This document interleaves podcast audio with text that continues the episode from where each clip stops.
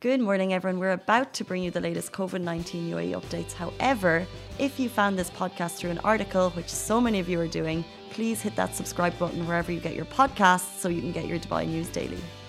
Dubai, how are you doing? Welcome back to the Lovin Daily, where we talk about the trending stories that everyone in Dubai is talking about. Um, there may be a slight confusion. There's a lot of news, an avalanche of news that has come through yesterday, today, I think Emirates initially announcing that they were cancelling all flights, they were grounding all passenger flights.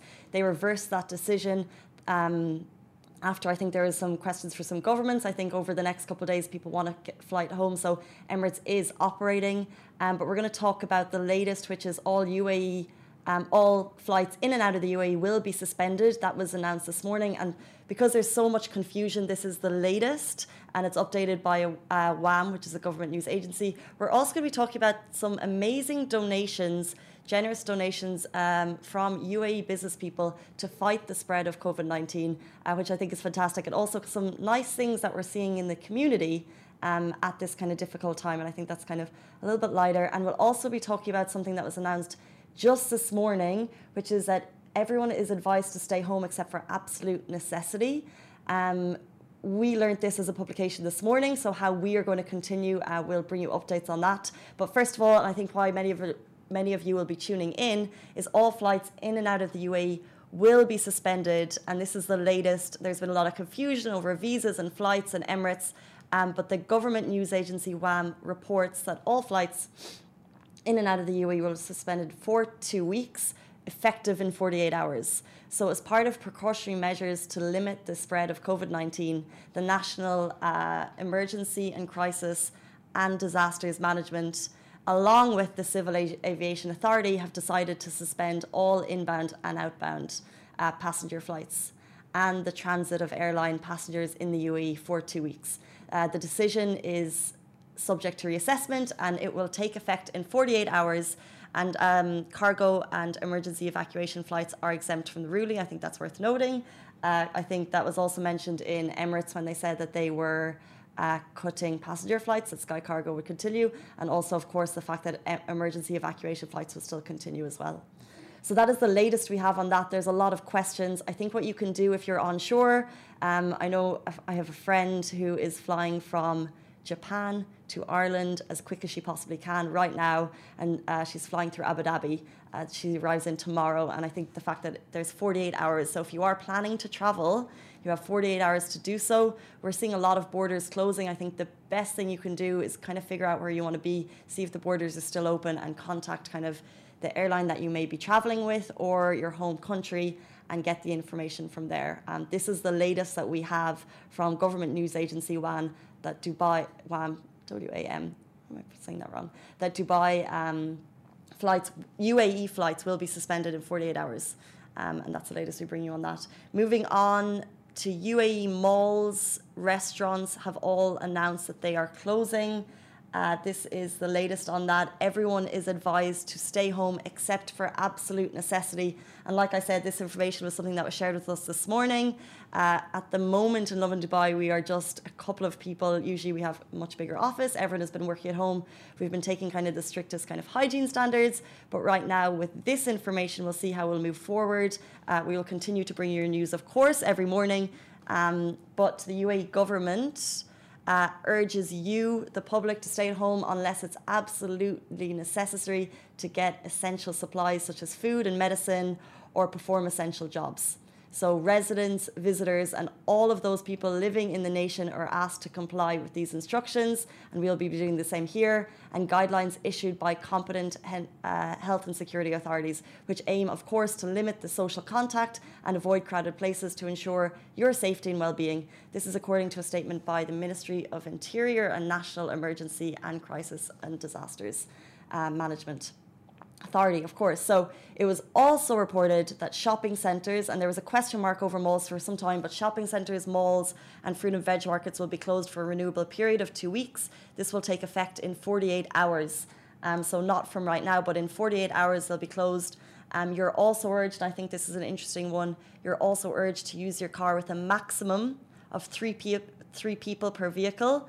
Uh, do not visit social places, maintain social distance protocols even during family gatherings, and only visit hospitals for critical or emergency cases.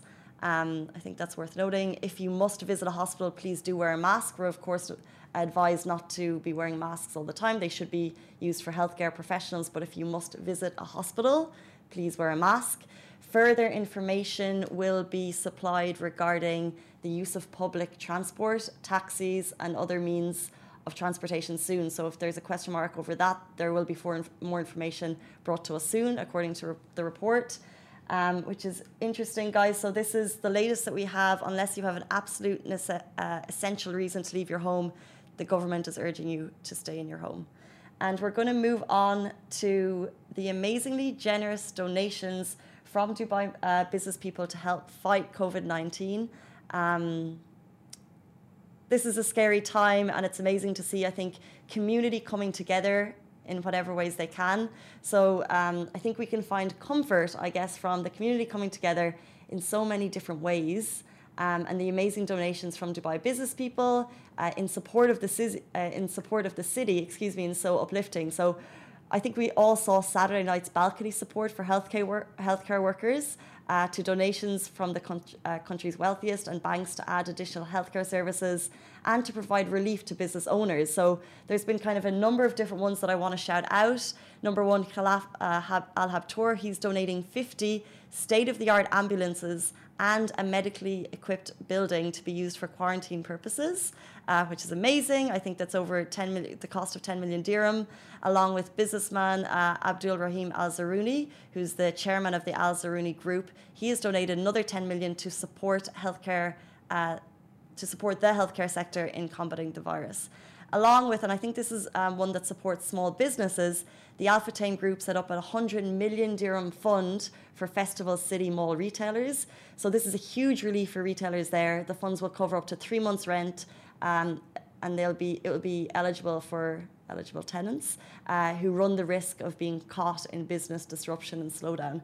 So I think. Uh, like with the balcony community support for healthcare workers, um, it's what you could do on your own level. I've seen a number of kind of Facebook groups where people are just saying, if you're worried to leave your house, what can I do to help you? So just kind of community supporting community. You know, if there's um, someone who is maybe at risk because they're because of their age bracket, or because of prior healthcare concerns and they don't want to leave the home. I think community, I've noticed people are reaching out saying, I can do your shopping for you.